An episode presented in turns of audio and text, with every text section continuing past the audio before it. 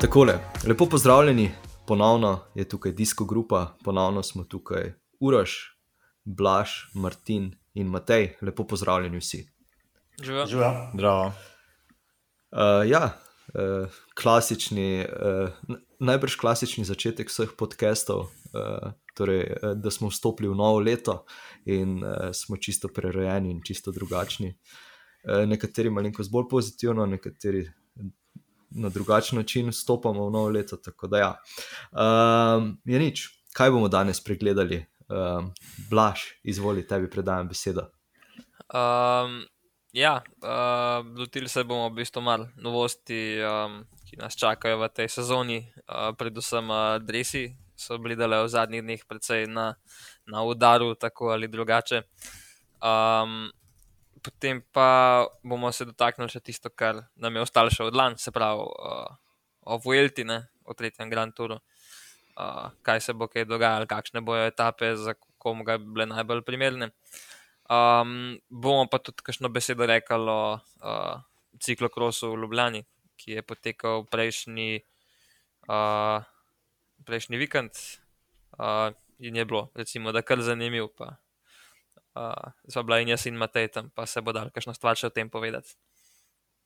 Ja, super istočnica. Zdaj, v bistvu, um, kar se meni zdi, je morda boljše, da začnemo kar za ciklokrosom, pa da vidva kar uh, strneta neke vtise, kaj vse se je dogajalo. Meni se žal ni uspelo udeležiti, kot sem že prej povedal, uh, preden smo začeli snemati, ampak ja, izvoli.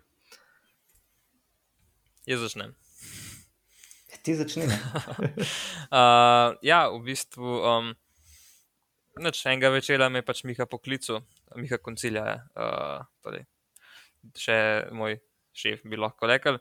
In je rekel, da kaj pa če bi mi v Ljubljani naredili uh, ciklokros, ampak datum, ki je bil planiran, je bil pa v bistvu čez tri tedne. Tako da um, je bilo treba kar hitro uh, si izmisliti, kako bo vse skupaj izgledalo. Sicer sem traso, um, ja, traso mi je pol padal name, da sem jo organiziral, uh, oziroma kako bo kaj izgledal, uh, vsaj te stvari. Um, in ja, je bilo treba kar ne parkrat spremenjati, ker uh, zaradi takšnih in drugačnih uh, vzrokov. Um, ampak ja, na koncu uh, v bistvu smo dobili na razpolago en tak park ob robu hipodroma, ki je sicer kar idealen teren, sicer pogrešal sem kakšen uh, klanček, malo bolj resen, ampak smo v bistvu tudi to zelo dobro rešili, s tem, da smo um, v bistvu speljali traso čez neko tako klančino ob cesti, mislim, da je šla cesta, uh, trasa tam gor, ne šestkrat. Tako da v bistvu te kratke klančki, kjer nabijaš vate, kar konkretno, je bilo kar dost. Um, in seveda pa ni bilo v bistvu, ne more biti ciklokros brez teh uh, značilnih ovir, takšnih in drugačnih. Tako da ja, tudi uh, lotili smo se pol izdelave ovir, uh, ene malo večje, ene malo manjše, stopnice, bande, uh, milko smo tudi na, na vozil. Uh, tukaj nam je zelo veliko pomagal uh, Luka Pibelnik, ki se zdaj ukvarja z, z takšnimi stvarmi, se pravi, on je bil v bistvu glaven. Ko bi rekel, graditelj, uh, tukaj je zelo veliko pomagal s stopnicami in z vsemi ostalimi stvarmi. Um, tako da, ja, v bistvu do zadnjega dneva nismo vedeli, kako bo zadeva izgledala. Um, in uh, ja, moram reči, da je bil odziv tudi um, javnosti uh, zelo dober. Seveda je pač ja, prispeval zelo veliko, da je da, da na štartu bila tudi Tadej in pa, in pa Mezgec. Um, mislim, da večina ja, gledalcev je sicer prišlo zaradi njih, ampak uh, ne glede na to, je najbrž zelo veliko ljudi uh, takrat prvič slišal za ciklokros, ga prvič prišlo pogledati. In um, ja, no, jaz upam, da smo pustili pač dober vtis, no, da je bilo zanimivo za pogledati. Um, zdaj nekih večjih kritik v bistvu niti ni bilo. Um, Mateja je sicer zmotil, ja, da bi številke uh, mogle biti kje druge, ne na, na balanci. Um, tako da ja, so, so še kakšne možnosti za izboljšave. Da uh, jaz upam, da naslednje leto bomo spet videli, pa da bomo še kakšno napako popravili. Dobro, te številke na balanci niste edini, ko imate to. Se Zdaj ne vem, ali Um, to na vseh ciklokrosih tako je to pravilo. Ali... Ja, v bistvu na ciklokrosih mora biti čip v vsakem primeru. Ne. Zdaj, um, vem, da v Belgiji, oziroma na teh manjših regionalnih dirkah. Vem, da imajo kar okoližne take čipe, oziroma oddajnike, uh, ki si jo daš pol pod štumf. Um, Klej smo pa v bistvu to zadevo malo bolj preprosto rešili, da je v bistvu pač ta čip noter v številki. Um, zdaj, ja, zgleda najbolj estetsko, je pa nekako najbolj praktično. Um, in uh, ja, v bistvu mislim, da je to ena. Nekdo se s tem ukvarja in v bistvu, ki ti hoče dirko organizirati, uh, pride on s tem, v bistvu vse postavijo in pač oni imajo to časomerilno službo čez. Uh, in mislim, da je na vseh ciklokrosih pač isto. Ja, ker vem, da je bilo v dolenskih toplicah, so bile prav enake cifre ali iste. Kaj pa naredijo tisti, ki imajo dve kolesi? Um, v tem primeru pa v bistvu na cifra, ki je na zelenem kolesu, je navadna, kot sem videl, torej brez Aha. čipa, um, pa se potem tistega enega že na roke vidi, uh, oziroma napiše, kdaj, oziroma na katerem mestu pride čez ciljno. Skratka, ko bojo imeli nekateri po. Um, ko bo imel več ljudi, po več koles, to ne bo več šlo, ker bo potem težave pri zapisovanju. Um, ja, v bistvu, um, ja, do takrat bo to šlo. No. Sem bil pa vseeno kar presenečen, koliko uh, kolesarjev je menjal, uh, menjal kolesa. Ne vem, še par let nazaj je bilo boksov sploh ni bilo, v bistvu, ne, oziroma kakšen mal tiskaj malo bolj resen, kar se tiče ciklokrosa, tiče predvsem. Uh, Ene par materijalov je takih, ki so imeli v bistvu kolo, kar zraven na ograji naslonjen, da so pa vmes zamenjali. Um, tukaj smo se pa zdaj uh, tudi boksov lotili kar resno, sicer zdaj, če za nazaj pogledam, bi mogoče lahko niso bili najbolj praktično postavljeni, ampak uh, kar se pa tiče vsega, kar je bilo noter uh, strani organizatorja, se pravi, štorček, štrajfiksi, uh, vse to pa mislim, da je bilo kar v redu zrihtan in da so bili tudi uh, tekmovalci kar zadovoljni. Ne, ne, se to je bilo odlično, da ne bo kdo rekel, da spet samo kritiziram, ker je bila dirka na splošno res ful dobro. Jaz sem blazno užival, sem bil tam. Rekl bi, da od vseh, ki sem jih videl do zdaj v Sloveniji, pa nekaj sem jih, da je bilo to dejansko kar najboljš proga. Ne. Zdaj, ja, manjkalo je kakšen, manjkalo kakšen dolg plan, ampak tukaj si pač omejen z lokacijo, kjer si to bi se dal verjetno rešiti s kakšnim um, daljšim, višjim mostom, ki pa seveda zahteva potem resne gradbene posege, ne. zato seveda ni bilo časa. Ne.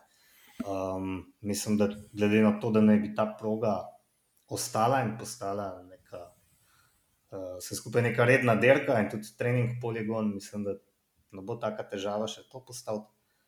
Um, tako da, ja, na splošno, blazno pozitivno, ogromno ljudi je dejansko prvič slišali za ciklokros. Um, in ja, kar malo preveč ljudi je bilo, glede na razmere. Um, so bili zgolj na ključni mimoidoči. Na ključni mimoidoči je bilo zelo simpatično, da naslednji dan, ali ne, še isti dan je bila dirka v, v Belgiji, je bil svetovni pokal, se mi zdi. In je bilo bistveno manj gledalcev, kar se mi zdi kar, uh, zelo simpatično. Um, ja, no, sej, kaj več pa jaz ne morem povedati, ker sem bil tam pač samo, uh, samo gledalec. Sedim to, no, da sem bil res kar presenečen nad um, hitrostjo najboljših dveh, oziroma bi omenil še Mateoža Gvekarja, ki je bil tretji. In, um, so se res tako dobro pedali, no, glede na to, da mislim, da Pogačar še le tretjič sedel na ciklokros kolesu, mezgec tudi verjetno ne prav dost.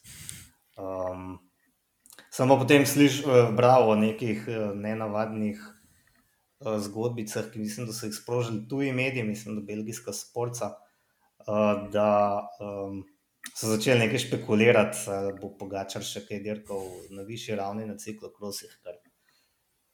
Je seveda smešno, ne? še bolj smešno je, da so te, uh, te članke potem noro povzemali tudi slovenske medije, ki bi vendarle morali malo bolj razumeti našo lokalno sceno. Pač. Za tiste, ki ne poznate tako dobro ciklokrosa, pač pogačar, kot je dober na cesti, bi se zelo težko korektno kosal z najboljšimi na, na najvišji ravni. Ne. Zelo, zelo težko. Če pogleda, pogledamo, kaj de, kje se vozi Heinrich Hausler, recimo na ciklokrosih. Um, pa je načeloma na pol ciklokrosist bil, pa um, vemo, da se zelo dobro znajde na, v blatu, na Paris-Roubaix. Um, potem veš, no, kako se to konča za take fante. Sem pa prepričan, no, da če bi pa resno se zadeve lotil, bi pa, bi pa znal biti visok, sam to bi terjal res, resno pripravo. Ja, ja, mislim, da kaj enkrat tu zmagaš, da, da nimaš kaj dosti za razmišljati. Oziroma, da je, Je um, čisto v redu, da na, na cesti ostaneš, da ne greš dirkat, grevel dirk v Ameriko. Ja. ne. Mislim, da, da je to boljše. Um, ja, v bistvu um, zelo dobro je bilo videti, kako um, sta Luka pa tedaj to, mislim, resno vzela. Sej. Normalno, če sta sem prišla, se valjda nista prišla zdaj samo voziti malo okoli, ampak sta dejansko prišla dilkat. Um, zdaj, uh, ja, uh, štartu sem dilkal tudi jaz, sicer uh, koliko je bilo. Uh, Pol minute za, za člani v kategoriji amater. In uh, ja, seveda me je mezgac ujel za en krok, tako kot uh, tedaj. Um, in ja, kaj uh, mezgac preletel mi mene, uh, dejansko vsak ovink je šel na polno, vsak ovink ali je komaj izvozil, ali je pa v bistvu se že lovil na nogo vsak ovink, tiste par metrov, ki sem se za njemu pelil, v bistvu. Um, ja, je pelil res tako, nenormalen tempo. Tudi tedaj je ene parkrat padel, um, tudi na tistem spustu, skar precej brzine. Um, ampak ja, pač ni bilo nič hujšega, to je sestavni del tega. Um, in ja, tudi, kot je on povedal, je, je zelo uživo, no? uh, čeprav je samo kolo sestavljal šele ne par dni prej, se mi zdi, uh, ker je imel še zmeraj utrgan menjalnik od uh, iz Šenčurja, ki je bil kdaj leta. Leta 2019, 2019, ja. se mi zdi. uh, tako da, ja, no, um, se tudi zelo dobro prilagodi na, na druge podlage in druga kolesa. Uh, ja, jaz sem hotel samo dodati prej, da se, da se morda, uh, ko, sta, ko si potem ti rekel, blaš, da pač če zmagaš tur, ne, se na to fokusiraš, da se mogoče ne fokusiraš tako kot eh, Tom Pitcock na to, da bi letos dosegel medaljo na uh, cesti, v, uh, kje, na ciklokrosu in pa na gorskem kolesu, ne, uh, kot uh, svetovni prvak. Če, mogoče, če je mogoče kdo to slišal, no, tudi ti, Martin, včeraj med ogledom uh, ciklokrosa sta komentatorja doživljala razno razne uh, ja, pobožne želje. Vsaj, vsaj po trenutni, trenutni formi Vanerta, mislim, da je to vse prej kot iluzija, že samo v ciklokrosu uh, do ceste sploh ne rabimo priti. Verjetno celo največ možnosti dejansko uh, v Gorskem. Pa še tam vemo, da je toliko nepredvidljivosti, da daleč od tega, tako da že z eno medaljo bo vseeno lahko vesel. No. Ne, jaz mislim, da on dejansko je lahko v vseh treh disciplinah svetovni prvak, ampak ne v enem letu, ne? ker je to leto zelo dolgo in mm, težko formo jamaš trikrat. Ne? Ja, Videli smo lani, je sicer se odlično pelal na uh, olimpijskih igrah v mountain bikeu in v bistvu se celo sezono mountain bikea dobro odpeljal, ampak ga potem ni bilo več prav blizu, prvošči si en dopust in prišel v bupni formi, ne na Vuelto, če se prav spomnim, smo se vsi čudili, kaj sploh tam počne, pa smo potem špekulirali, da se mogoče pripravlja na svetovno prvenstvo, kjer pa niti ne vem, kaj je bilo pa z njim. Uh, V glavnem, ja, mislim, da Mi je pa všeč, da je tako samozavesten, no? ker tole kar malo mal že meji na, um, kaj, kaj že to, če si preveč samozavesten, pa ne na realni osnovi, kako se že temu reče. Neka slabšalna eh, beseda je. Ampak, no, ja. mislim, da v tem ti največ veš. Prej samozavesten. No. Ja. Prej samo zavest. Ja, uh, ja, jaz mislim, da se ljudje ne zavedajo, kako je v bistvu težko um, voziti tri sezone v eni sezoni, v bistvu. ne. Um, koliko so to različne vrste napora med sabo um, in da ti vse obvladaš. Ja, že, če to, kar gledamo prva na Artu, pa Vanderpolu in ja, tudi pri Pitkoku, pa še kakšen tak se najde, no, um, to pač ni kar tako. Mislim, da večina cestnih kolesarjev je raj si ga pozimi malo mal bolj luizi vzame, ampak um, njim pa pač očitno paše, da se uničujejo do nemoglosti še celo zimo. Um, kar se pa teh napovedi tiče, ja, me pa zanima, je to dejansko pitko rekel ali pa to, um, so bile to neke špekulacije novinarjev in uh, raznih uh, medijev. Uh, To je rekel. Tom Pitcock sam in ne samo enkrat, ampak večkrat in to že lansko leto. Če ne celo Ok. okay. predlansko leto, mislim, No, da no. lansko leto zagotovo. Zdaj, če bi, če, bi imeli, če, če bi imeli še, še video zraven, bi videli uh, blažen pogled. ok, uh, da, da, da ne odstavamo preveč. Uh, torej, uh, dolžni smo še uh, en tak kratek pregled uh, trase Velte, ki smo ga sicer napovedali za, za prejšnje leto, pa se nam ni uspelo uh, dobiti skupaj. Nič ne de, um, trasa je še vedno enaka, kot je bila pred 14 dnevi in bo takšna tudi ostala, jaz mislim. Uh, zdaj, jaz sem tukaj zapisal, da neke značilnosti izvedbe uh, letošnje Velte bodo to, da vključuje tri etape na nizozemskem, uh, kjer bo Grande Pa. Um, ja, za leto 2020 je bil prvotno načrtovan, ja, to je to. Utrecht bo pa tako prvo mesto, ki bo gostilo uh, etape vseh treh uh, Grand Tourov. Kaj bomo rekli za te tri, pr prve tri etape? Prva etapa, ekipni kronometer, definitivno poslastica, ali pa ne, upamo, da ne bo kdo prazno bazena. Uh, Uh, ja, te ekipni kronometri so zadnje cajte uh, zmeraj bila redkost, ampak um, ne vem, no, meni so pa v bistvu zelo zanimivi za gledati in uh, škoda, ker ni uh, tega več. Um, zdaj, ne vem, kakšni so sicer razlogi, um, ampak ja, no. Um, pač, če je nekdo zelo dober, pomeni, da mora imeti za sabo zelo dobro ekipo in zakaj ne je bila v bistvu tiste ene etapi cela ekipa zaslužena za to, da pač zmagajo ekipam kronometrne, ker, uh, ker bi rekel, lahko, da se spodobi. Um, tako da ja, jaz se tega že veselim in uh, tudi, uh, da ne vem, kakšen plan ima Roglič za, za to sezono, ampak ja, z neko spodobno ekipo, mislim, da lahko uh, Vizma kar zmaga tole. No. Ja, mislim, da je vprašanje, ja, kakšna bo ta ekipa. Zdaj o tem špekulirati je res zgodaj. Um, ja, če imaš not uh, njega, pa uh, Vanerta in uh, Rowan Denisa. Rowana Denisa. Pa še domoljena. Uh, pa to je že prva etapa, tako da Rowan Denis še ne more iti domov predčasno. Um, potem mislim, da res skoraj ni, ni da, ampak vemo, kdo pride na Vuelto. ne.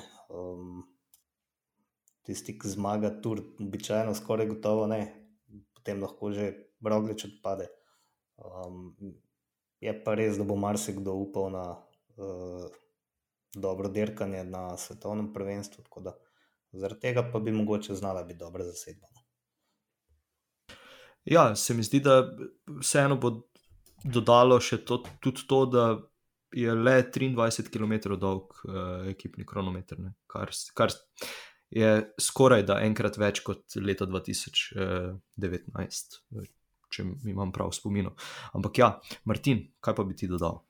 Ja, navezal bi se na to, um, mogoče tudi ambicije Jumbo Visme na tem startu, glede na to, da je start na nizozemskem, mogoče še neka dodatna motivacija, da um, zmagajo. In ja, zagotovo, zagotovo bo tudi uh, ekipa močna, zdaj jaz primožem ali ne, pa tako kot je rekel uh, Matej, vse je odvisno od tura. Uh, vemo, da je Velta potem tista druga možnost, uh, marsikdo si rešuje sezono, marsikdo se želi dokazati, in prezgodaj je še za napovedovati, kdo vse bo na, na Volti in pa kdo vse bo, bo imel cilj že od prve etape, pravzaprav iti na polno, kdo pa bo potem samo kasneje v kakšnih od etapah lovil etapne zmage. Tako je. Zdaj, um, ne, nekako skoraj vsi mediji so povzeli teh eh, izstopajočih eh, pet etap, eh, ki jih je tudi eh, načrtovalec trase izpostavil sam.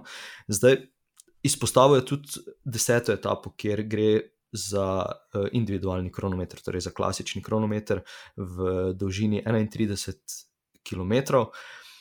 tudi uh, Enrik Mas je potrdil, da bi znal to biti tudi en ključni moment uh, uh, Velte. Zanimivo, da pa potem mogoče ni še tistega tretjega oziroma drugega kronometra tik pred koncem, uh, kot smo mogoče bili uh, vajeni ali kakorkoli bi kdo kaj dodal. Ja, mislim, da bi bili tri kronometre, pa že malo veliko. No. Potem bi se zdaj pogovarjali samo o tem, kako so kar tri kronometre na uh, Vuelti.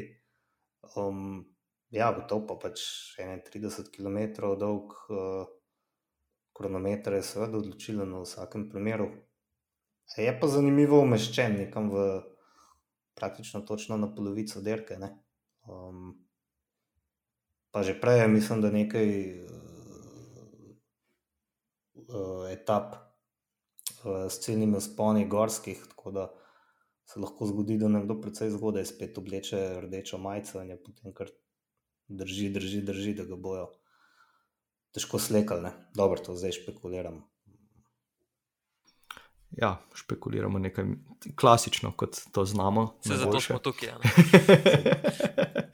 Ja, uh, ja uh, Blaž, Martin, bi, bi videl, kaj dodala tukaj. Uh, mislim, da letošnja trasa je predvsem tako zastavljena, da neke blazne filozofije res ne bo. Um, tako kot si že omenil, sam načrtovalec je izpostavil določene stvari. Ve se, kje pričakuje, ampak mislim, da se ne rabimo ponavljati, da bodo dirko težko oziroma lahko naredili kolesari sami. Situacijo, kakšni bo, zagotovo tudi vreme.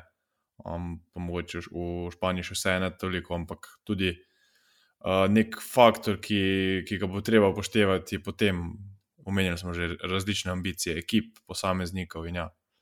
Um, predvsej daleč je še do tja, tako da um, ne, ne, bi, ne bi bilo vredno izgubljati preveč besed.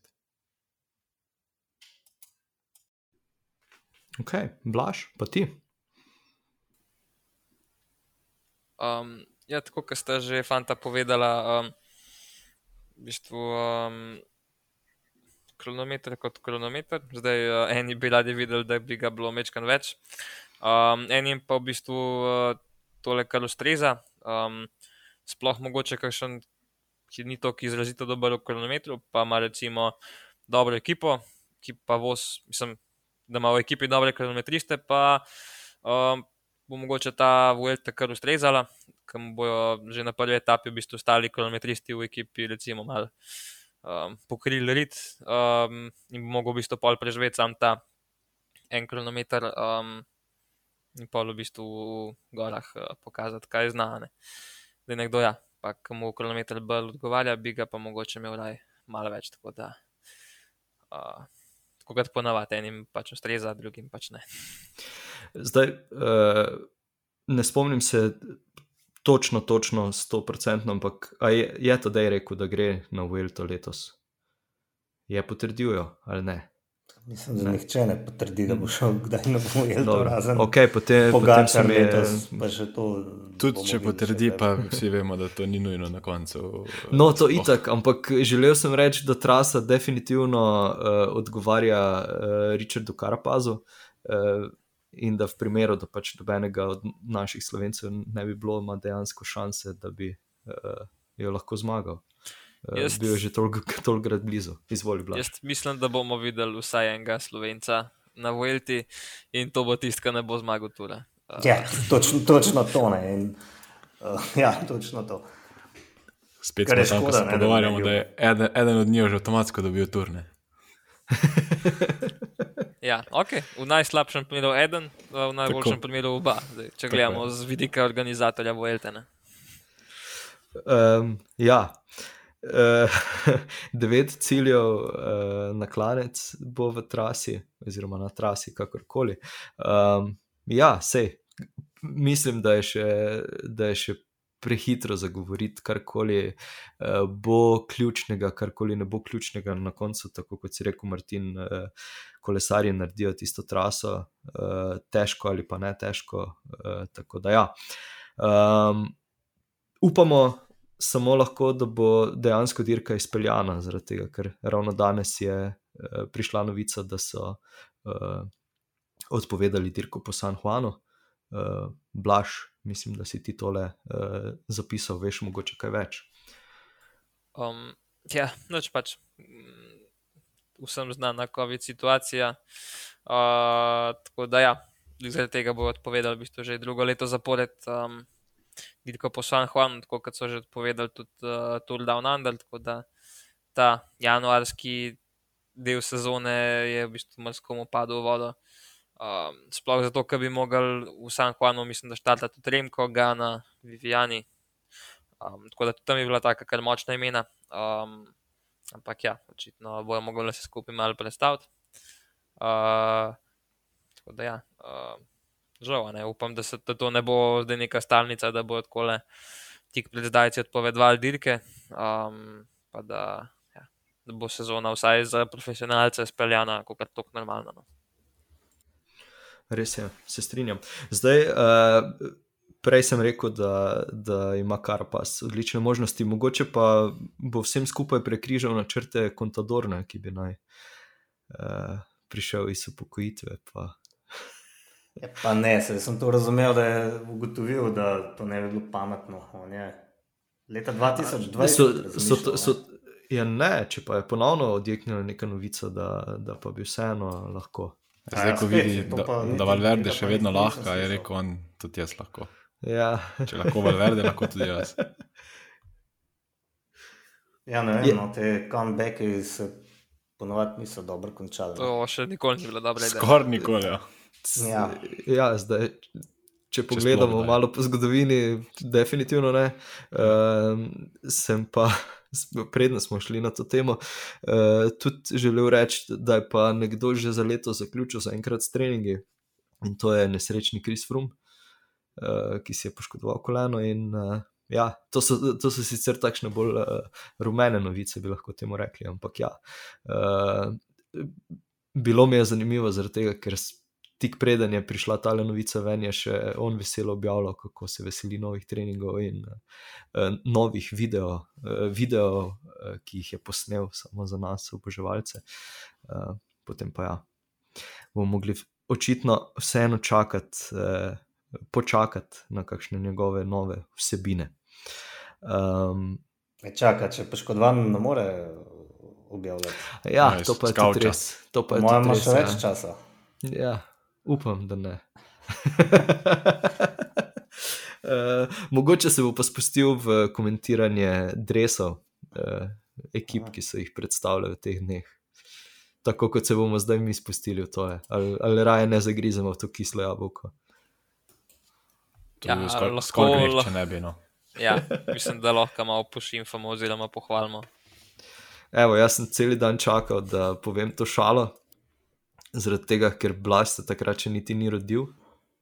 Ampak leta 98 je skupina Eiffel 65 izdala odlično pesem, ki bi se lahko uh, peli fanti pri uh, Green Edgeu. Blue Edge, kakorkoli, in pa dekleta, seveda, no, da ne pozabim. Um, Matej, mislim, da, si vseeno ti, uh, čeprav je blaš pokimo, da, da ve, za katero pesem gre, ampak vseeno mislim, da uh, uh, smo mi dva kar preplesali na tole pesem. Vem, Ali sem jaz plesal, ampak um, se pa dobro Mislim. spomnim in uh, si jo še zdaj z užitkom zavrtim. Lepo, da si me spomnil na njo. Uh, sem vedno spomnil na to, ko sem to modrino videl. Tudi to mi je simpatično, brez dvoma je to eno najbolj. Čeprav meni men se zdi tako zelo grd kot recimo lanski. Mislim, Lanski je bil res grd, meni je bil lanski res grd. Ne. Ta je pa vsaj smešen, ima nek, ne vem, kot bi se nekdo malo hecal, no, mi deluje. Ja, ja, tudi prebral... ta zgodba, fantki imajo modre punčke, imajo pa še malo roza. To je tudi tako noro. No. Um, e, e, jaz, jaz sem prebral en super, ja, izvoli, blaš. Eno je na Twitterju to kar zmotilja, ta uh, modra roza, uh, kombinacija ločena po spolih. Dobro, to je zdaj sploh problematično. Ja, pa, ampak, ja sploh v teh časih. Ja. Smešno je pa vseeno, no, tako malo na prvo žogo se pa tudi meni zdi. Moram priznati, da me je najbolj nasmejal komentar, uh, ki sem ga prebral tudi na Twitterju, da, da v bistvu, če jih je kdo pomočil v modro barvo, ne, da so bili oblečeni v bele drese, pa so jih pomočili, in da tako kot Ahila, ne, uh, si lomijo ključnice in je tudi to njihova Ahilova, na rekovajih peta, ne, in samo da tam so jih pomočili barvo. Mislim, to, to je res izvirno. Ja, Mislim, tako, ja. tudi, tudi E, tisti komentar. Niso edini s temi belimi rokavi, ne, ne vem, kaj je to. Ja, to je kar popularno. Kaj je zdaj, Quick Step, Alfa Vinil, njihovi dresi se mi tudi zdijo grozni, ker so tam beli, gor, kot da je nekdo pozabil pobarvati. Um, Ja. Uh, ja, uh, Martin, kaj si želel povedati, izvoli. Tudi nekaj komentarjev o pranju drevesov sem zasledil, da so v bistvu samo bili mišljeni kot beli drevesi, pa so jih samo s hlačkami skupaj oprali in da je posledica pač vidna. Uh, Meni v bistvu to- osebno ženski dreves ni toliko napačen, ker je vseeno v ženski v pelotonu več nekakšnih takšnih. Tak, takšnih in drugačnih drevesov, moška različica, čeprav pravzaprav ni popolnoma nič skoraj da drugačen, razen te, te odtenek roza, modre barve. Um, že smo govorili o tem, o barvah hlačk, kako izstopajo, o lani, o Ažu do Zer. Uh, ko so imeli rjave hlače, tudi tale modra, se mi vseeno zdi nekako. Ne. Um, pa smo že mogoče vseeno od Quick Stepa v neki temnejši različici vajeni, ampak tale mi pa se zdi res, ker. Uh, Ker precej seka in, in bo zagotovo sekala ven v, v pelotonu. Pripričan sem, da bomo kolesarje ekipe Bike Exchange uh, precej enostavno našli, kar, kar smo večkrat omenjali, da je plus, uh, to bo, ampak uh, v celoti z novimi kolesi pa se mi zdi tako, da so neka ne najbolj posrečena marketinška poteza. A niso bili smrtci take barve. Ja, recimo. Tudi, Podobno. je. tudi. tudi. Sam A. še bele čelade bi mogli imeti. Ja. Pa cofe. To bi bila šele marketinška poteza. Uh, ne, meni pa v bistvu ne vem zakaj. sploh V bistvu ne vem, zakaj mi te dresi niso všeč. ker Barva, ko- kot sama mi je všeč, ampak um, ne vem, preveč je modro. Mislim, da bi se dalo vse skupaj rešiti že ne vem, s črnimi hlačami ali kaj Definitivno. podobnega. Ne vem, zdaj smo se kar navadili v zadnjih letih, da je kot trend, da hlače pa morajo biti črne, ok, razen za a že do zela. Ne? Ampak um, načeloma drugače, ja, um, smo nekako navajeni na to in mogoče je lih, mogoče lih zaradi tega se nam zdijo te dresi tako izstopajoči. dajmo Ali temu črno ali pa temno modre, ne? se eni imajo Ali pa to, temno ja. modre, pa, Ja, ja, ja. pa kar dobro zgleda. Ne? Prav- Ja, no, Na nekako. prvo ta žogo niti ne opaziš, ne? v bistvu. Včasih. Bolj so pa- mi všeč rjave kot te modre od uh, Bike Exchange. Tudi jaz nisem mislil, da bom kadarkoli to rekel. To pove veliko, ja. Kjer vam je pa recimo najlepši od teh, ki so zdaj znani? Lahko jaz že kar povem, da mi tako kot lani je eden od lepših, tudi zdaj, Astana, Kazahstan. Se mi zdi Ok. okay. najbolj tak izčiščen, ne preveč. mm, Meni pa dresi bore. Kaj, za kar si ti dopisal, ali pa tudi ne. To sem jaz dopisal. Ali ti si dopisal, Um, pardon, Blaž, ni mi pokazal. Ja, meni je kot res mi je top, ampak zakaj je bilo treba basati tisti rdeč kvadratek uh, noter? Ali je Za to s kakšnim, s kakšnim namenom, ali je to uh, kakšna sponzorska zadeva, ali pač da imamo za foro to sam. Uh, m- mogoče bi pa lahko Tima Podlogarja vprašali, on je, mislim, da danes nastopil z delom uh, pri Bori. Kot nutricionist, sicer ne kot oblikovalec, ampak ja, Mo mogoče, ja. mogoče je njemu bolj, eh, bolj znana zgodba, uh, kaj je tukaj Mogoče. zadaj. Ali pa bo Bora uh, lansirala kakšno posebno rdečo linijo. Uh, kaj pa veš? Kaj pa veš? Mogoče. Uh, ja, meni so dresi ostane drugače tudi, um, tudi kar všeč. Um, zanimivo je, ker je isto modra, podobna kot pri Green Edgeu, če, ampak se mi ta nekako veliko bolj dopade. Ampak ja, mogoče lik zaradi tega, ker v bistvu so hlače temne, ne? zgleda, da je bilo treba samo to narediti. Um, ker sem pa do zdaj videl dresov, mi je pa zelo všeč uh, dres uh, Elo Komete ali pa uh, dres um, prokontinentalne ekipe, uh, Kern Farma, se mi zdi. Um, to je ekipa, ki je dirkala lani tudi dirke po Sloveniji, španska ekipa, uh, ki ima v bistvu uh, drese v črno-sivi kombinaciji. Se pravi, v bistvu dres je popolnoma črn, razen sponzorji so napisani sivo. Sicer ne vem, koliko so sponzorji, ki so zadovoljni s tem, ampak res, uh, meni osebno zgleda ful lepo, tako minimalistično, ampak ja, uh, so pa tako, dokaj neopazni, ampak ja, mogoče tudi to dobro. Ja, zdaj uh, jaz bi tu še dodatno izpostavil, mogoče uh, žensko ekipo uh, Frances Držu, uh, njihovi dresi, oziroma ja, uh, dresi ženske ekipe so mi, so mi zelo všeč. Uh, prej, ko pa si Martin uh, navedel o tem, da so si določene stvari zelo podobne, pa mogoče velja tudi izpostaviti uh, podobnost med dresi ženskih ekip, ne? Torej ekipe UAE uh, Team ADQ, SDWorks uh, in pa Human Powered Health, uh, ki imajo zelo, zelo podobne drese, uh, ampak četrta ekipa, torej ekipa Andija Šleka. Uh, Ne bom niti šel v izgovorjavo celotnega imena, ker zjih ne bom pravilno izgovoril. Uh, njim pa so za čuda zavrnili uh, njihov dizajn, kljub temu, da je skoraj da identičen lanskemu. Uh, tako da tukaj že prihajajo tudi uh, razno razne novice v stilu, da več kot je denarja, prej ti uh, eh, UCI potrdi uh, tvoje dizajne. Ja. Uh, kaj pa mogoče o tem rečemo, ker skoraj upal bi si trditi, da ni. Uh, Eden in isti dizajner tega oblikoval, so mogoče naredili kakšen poseben research uh, v stilu, uh, kaj pa bi bilo puncem oziroma ženskam najbolj všeč, pa so sledili tem temu navdihu. Kaj bi ti o tem, po mojem, več veš? Ne? So to neki trendi prevladujoči, se pogovarjate med seboj, malo preveč um, oblikovalci v nekih določenih branžah. Mislim, zelo, zelo veliko krat se zgodi, uh, zdaj, če, če, če direktno odgovorim na tvoje vprašanje. Zelo veliko krat se zgodi, da podobno razmišljaš, ampak uh, tu, tukaj bi si upal celo trditi, da je mogoče šlo za kak uh, dejanski uh, research, mogoče kakšno anketo, kakorkoli, pa so potem iz tega izpeljevali uh, dizajn, ker res, ko, ko daš na list papirja oziroma na ekran vse te štiri dizajne skupaj. Je tako, kot da bi nekdo rekel: Ok, danes imam štiri drese za oblikovati, štiri ure si vzamem, pa potem sam šibaš različne logotipe.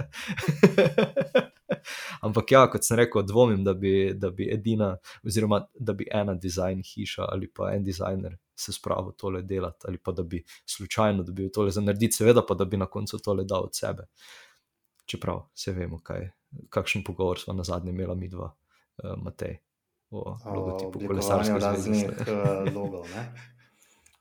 Ja, uh, Martin Blaž, kaj pa vidva mislite o novem logotipu Kolesarske zveze Slovenije?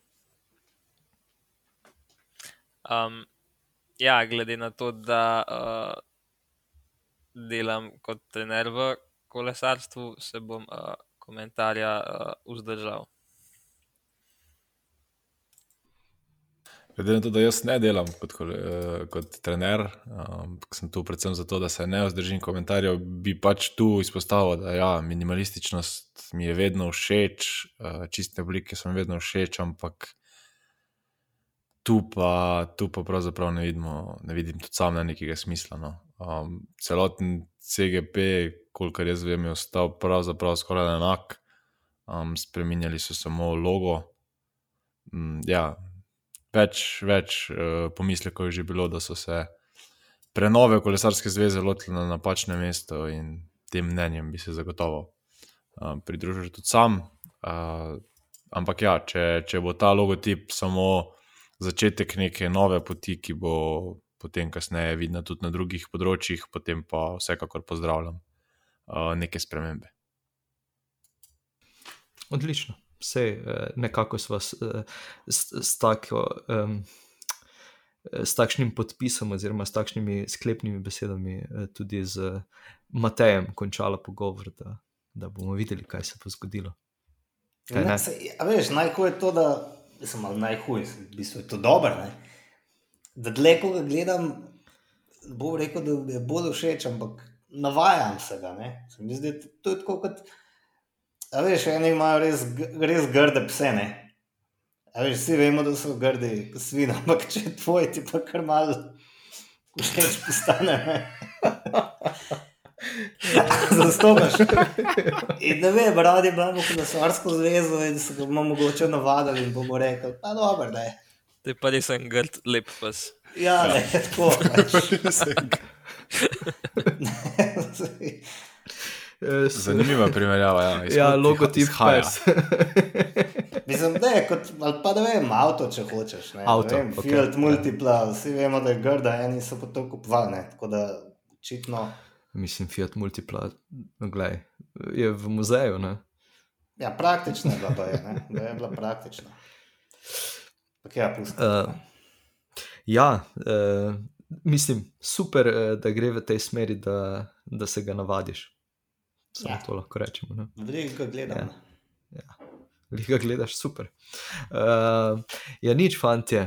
Uh, kaj bomo rekli? Uh, je, je kakšna stvar, še preden gremo na trivija vprašanja, za katere upam, da jih na katere niste pozabili, uh, Blaž je zauzdihnil. Uh, je še kakšna takšna tema, ki jo velja obdelati, uh, mogoče za zdaj, za štart novega leta, uh, ko smo Uh. še vsi polni elana. Uh, Ja, še, še en fail imamo ne? in uh, sicer uh, dres državnega prvaka, ah, pa res. Georgea Benneta, ki um, Ja. je tudi um, na Twitterju bila ena primerjava, da zgleda, kot da bi se en um, se pravi, potegnil ob uh, zobnik, se pravi, da je šmil na nogi, se pravi, da je ta šmil nekako na dresu kot um, ta simbol novozelandskega državnega prvaka in uh, ja, zgleda tako. Ja, minimalistično, ampak hkrati zelo, zelo šlampasto. No, se vemo, da prvoji niso lih, um, ne kažejo preveč radi teh državnih prvakov. Tudi um, Davide Formulo je dobil res tisto tanko črtico uh, italijanske zastave. Um, Pod da, ja, no, zastavo Združenih Arabskih Emiratov. Ne. Ja, ki je na obeh rokavih in čez cel hrbate. Ki je bila večja.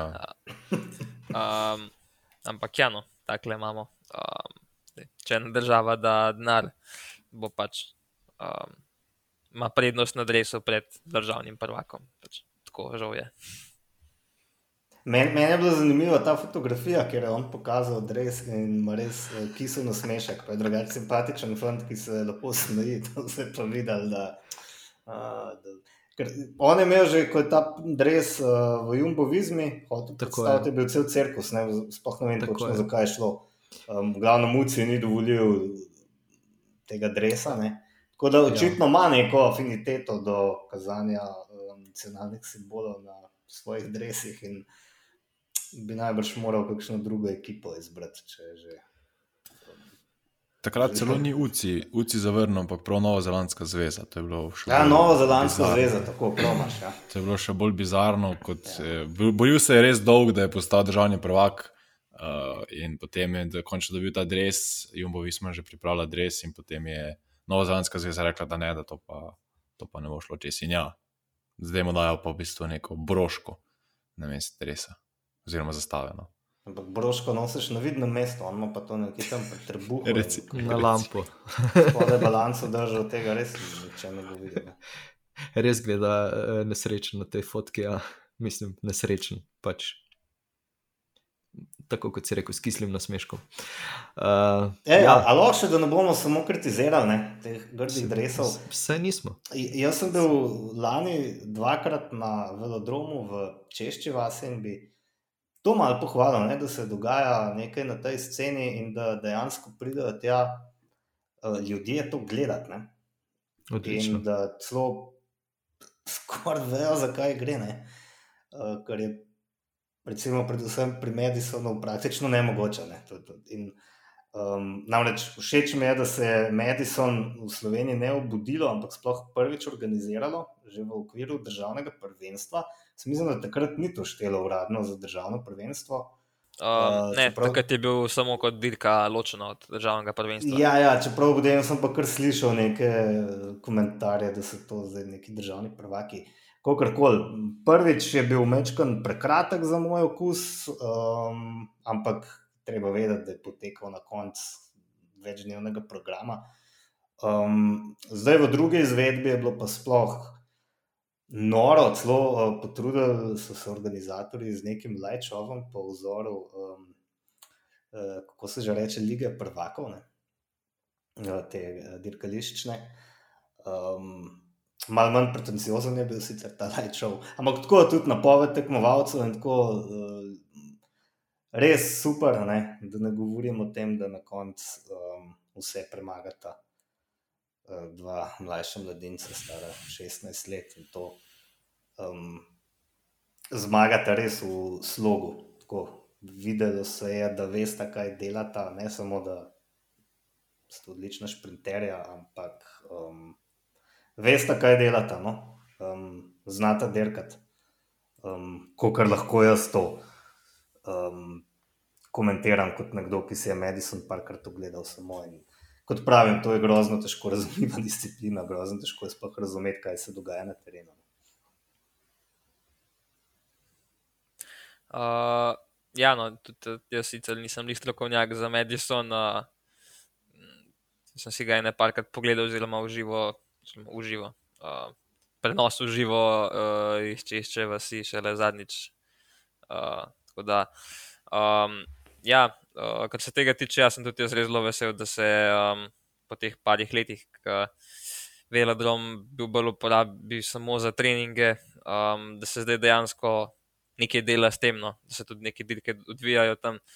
Uh, državno prvenstvo, kar vem, neuradno, uh, zaenkrat je bil datum 4. do 6. februar, tako da državno prvenstvo za to leto bo zdaj v bistvu kar kmalo. Um, in uh, ja, uh, tudi druge reprezentance pridejo na trenirati, ne vemo, da je bil tudi Gana, Viviani in ostali so bili pred nam, uh, kakšen teden nazaj na treningu. Um, tako da, ja, no, uh, sem res vesel. Uh, ja, ki si pa že omenil, uh, te dva mladinca, ki sta v bistvu nažgala vse člane. Um, eden od njih, uh, če se Ranžel Aubar, je pa potem še na ciklokrosu v nedeljo uh, štartal skupaj s člani. Uh, in uh, mislim, da če ne bi imel težave s ketno, bi kar uh, končal na, na stopničkah, uh, suvereno. Na koncu je bil sicer četrti, ampak uh, mislim, da brez tega bi bil pa ja, že zelo blizu uh, podijumu. Odlično. Ja, tako da um, očitno mladina. Tako da oskrat uh, zdaj poslušamo, da, da bo nastala neka luknja za Pogačarja, pa Rogliča. Ampak malo dvomim, da bo sploh kakšna luknja nastala, glede na to, da ima Pogačar pred seboj še 10 ali 15 let, verjetno 15. Um, te leta mladi pa bojo začeli čez 3-4 leta, če bojo dobro delali zmagovati. Mm, ja, no, tukaj v bistvu na dnevni ravni delam, oziroma opazujem fante. In ja, mislim, da se ni treba bati, ker je že kar ene par takih um, kolesarjev, ki kaže potencial, da je ja, za zmagati tur. To je, to je druga stvar, ampak ja, da so pa nekako, um, da imajo kar. Uh, Dobre predispozicije za to, da mogoče pa enkrat iz njih res nastane en zelo dober kolesar. Uh, tako da, ja, vsi uh, vsi delamo na tem. No. Mene to zelo veseli. Super, super je take stvari slišati, fino, super in fajn. Tako da, ja. Um, ja, pa bom sedaj postavil še enkrat isto vprašanje. Smo še kaj pozabili, vse z moje strani. Uh, mislim, da smo kar obdelali več, kot uh, sem, uh, sem na štartu mislil, da bomo. Tako da, ja, Eh, če pa je še karkoli takšnega, kar je ostalo neodkritega, pa um, ja, na, naj tisti spregovori zdaj ali za vedno utihne, kot pravijo. ok, očitno gremo na, na trivijo vprašanja, uh, pa da vidimo, kdo bi danes bil tisti, ki bi ga prvi postavil. Uh, Blaž, izvoli. Ne bomo se tepali kot ponavadi. Uh, ja, um, v bistvu zadnje par tednov sem se kar veliko s ciklokrosom ukvarjal. Um, tako da, ja, moje vprašanje je vezano na ciklokros in tokrat tudi v v slovenskem obsegu. Ko bi temu rekel. No. Um, ciklokros je ena disciplina, ki se je pri nam v naših koncih odvijala tudi že takrat, v času Jugoslavije, bilo to kar orang zadeva. Um, pol pa v bistvu je to vse skupaj nekako uh, zamrl, in potem se je ciklokros um, vrnil pred, ja, v bistvu pred nedavnim, no bi lahko rekel. Uh, pa me zdaj zanima, če kdo ve, Matej sicer vem, da ve, uh, kje, se je, uh, kje se je odvila prva dirka ciklokrosa v modelnejši zgodovini. Uh, pri nam, se pravi, kje in kdaj, približno.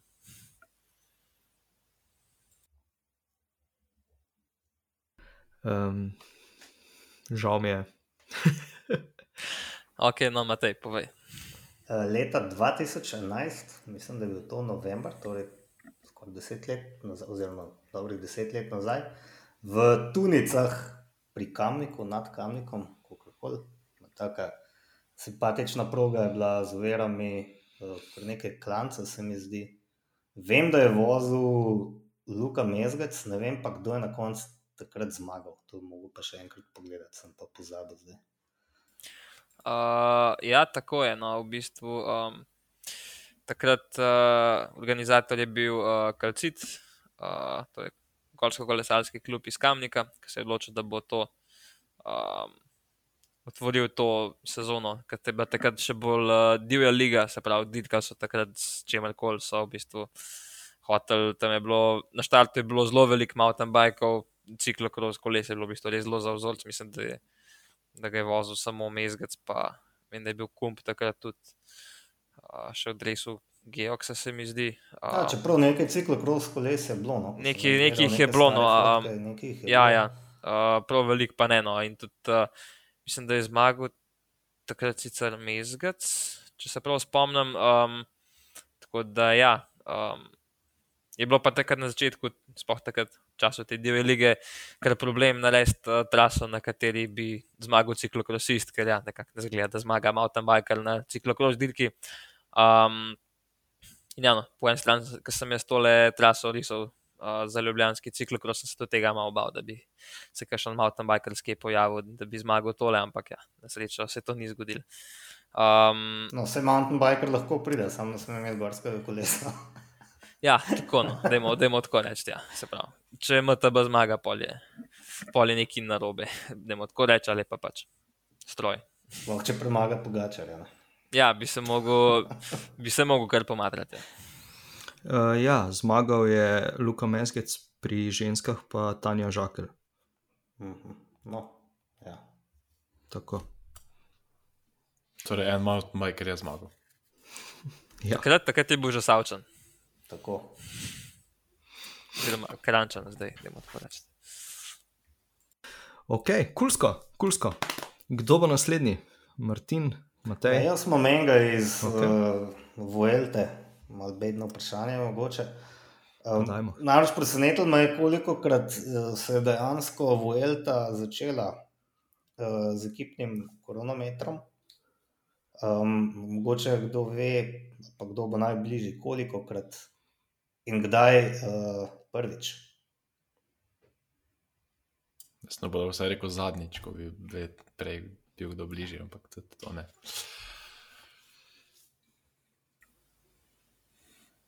Petkrat.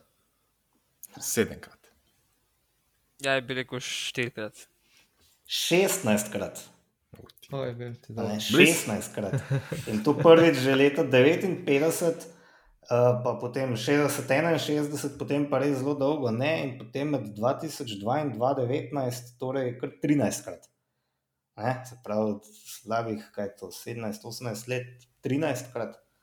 Um, potem pa še, mislim, da dvakrat je bil pa potem ekipni kronometer, pa še nekje vmes, uh, en od umestnih etap. Da, um, ja, Vuelta dejansko kar slovela, no, potem.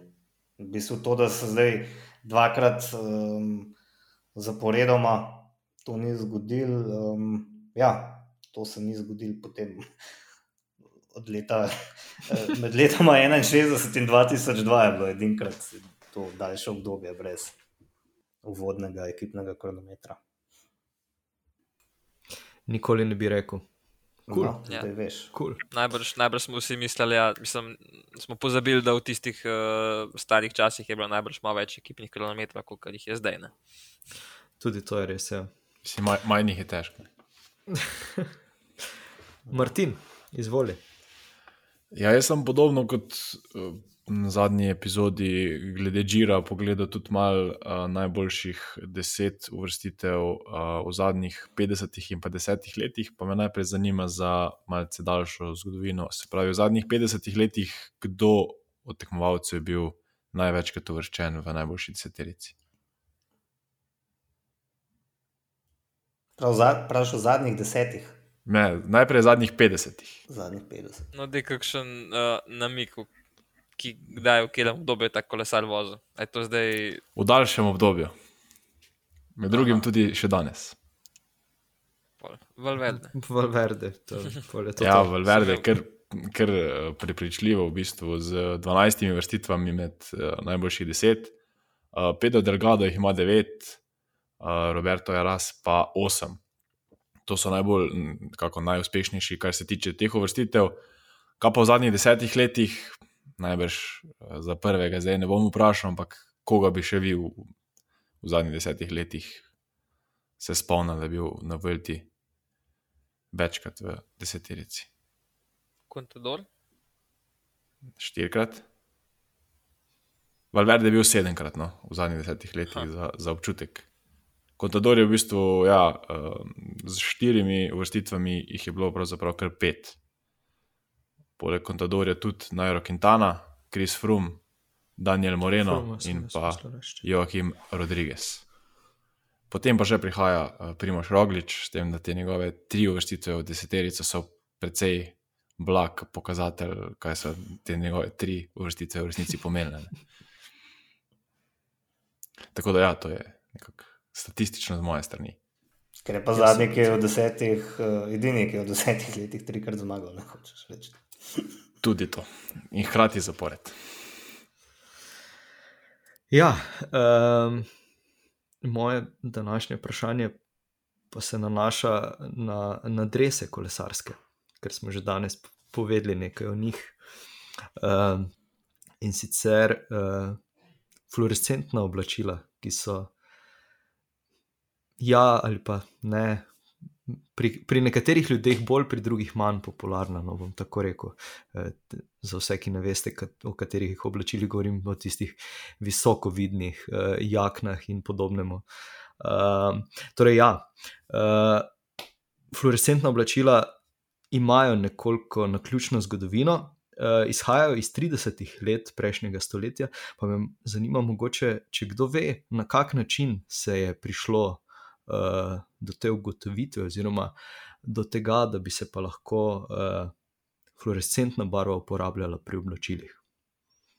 Ne nujno pri kolesarskih, seveda, ker se vse skupaj ni začelo pri kolesarstvu. Zakaj bi bilo to uporabno še poleg dobre vidnosti, hočeš reči? Tako je. Pa ni dobra vidnost. Odgovor. Ne, ne, ne, ne. ne. Uh, na, zdaj, ja, mogoče sem malo zbutasto zastavil vprašanje. Uh, ampak eh, na kak način recimo, se je odkrilo uh, to, da bi se lahko fluorescentna barva uporabljala uh, za oblačila in na oblačilih? Verjetno je bil nek zdaj- butast primer, da so rekli, v to se pa res dobro vidi, da moramo to uporabljati. In ta butast primer zdaj uroš išče. Ja, recimo.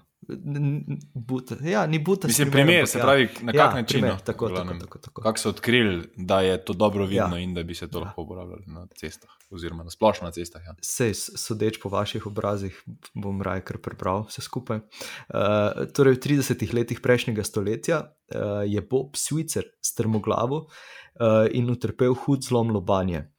Uh, tam je poškodoval vidne živce, okreval pa je v zatemnjeni sobi, uh, kar mu je v nekaj mesecih pomagalo povrniti vid. Uh, Med okrevanjem pa je hranil majhno zbirko fluorescentnih mineralov v svoji sobi kot obliko optične stimulacije. In potem, ko je bil njegov vid obnovljen, uh, se je skupaj s svojim bratom poigraval s temi fluorescenčnimi barvami in obenem razvil barvila in barve, ki so se svetile v temi, podnevi pa svetlo odsevale. Tako da na tak način se je rodila ta fluorescentna barva. Uh, in potem so sčasoma odkrili, uh, da, svetloba, da bi naj črna svetloba spodbujala te fluorescenčne spojine, in sta potem ustanovila podjetje, ki je proizvajalo te, te barve, uh, kasneje pa so jih potem uporabljali uh, kot prvi uh, škotski železničari. Uh, tako da se je železniško osebje eh, videlo nadalječ, skoraj da kilometr vidljivosti, in potem kasneje, v, nekje v 80-ih letih uh, prejšnjega stoletja, pa so se začele pojavljati torej prve te jakne tudi pri uh, kolesarjih. Tako da mogoče kot en zanimiv del zgodovine, odkot uh, izhajajo ta fluorescenčna oblačila. Vi jih imate? Uh, Ja, Ana, lahko vsaj, ampak sem eno vprašanje. Uh, Povej. S, s čim je strmo glavo? Z avionom? Z letalom, ja. Aha, ok. Ja, in si zlomil lubanjo. Ok, pošteno. In preživel. Je in preživel, ja. Končno. Ja, ja. Mogoče je bil kolesar, ker če bi bil nogometaš, ne bi. Ne, se, ja, Mislim, ja. da smo se enkrat že šalili na račun enega mojega uh, dresa in tudi hlač, torej senčne barve. Dobro, nekaj so fluorescenčne stvari, nekaj pa. to pa zile, ne, mi, mi nismo. Nekaj, nekaj pa so dresi, uh, green edge, nekaj sem se. ja.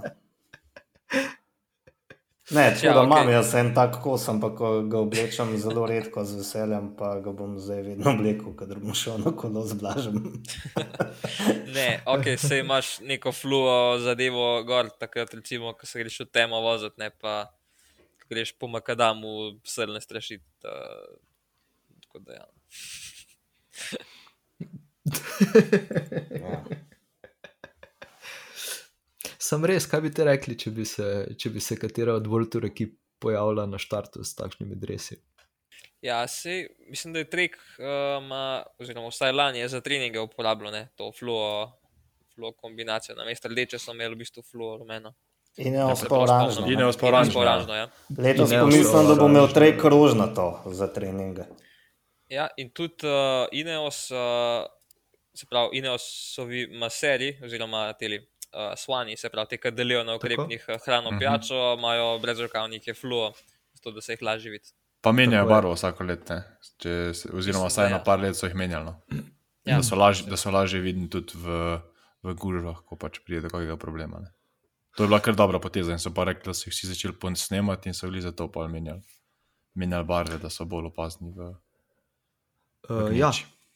Kaj sem še prej pozabil reči, je, da ekipa Andy Šleka prodaja svoje drese, ki so bili zavrnjeni z strani UCI-ja. Tako da nekaj pa jih bodo uporabili za treninge. Zdaj, ko smo se začeli pogovarjati o treningih, sem se spomnil, da sem prebral, da, da ja, nekaj, nekaj stroškov si bodo povrnili z prodajo preko spleta. Mislim, da niti niso tako grozne cene, da je 35 evrov za, za zgornji del, kar ni slabo, ampak noben od nas nima ženske postave. Uh, okay.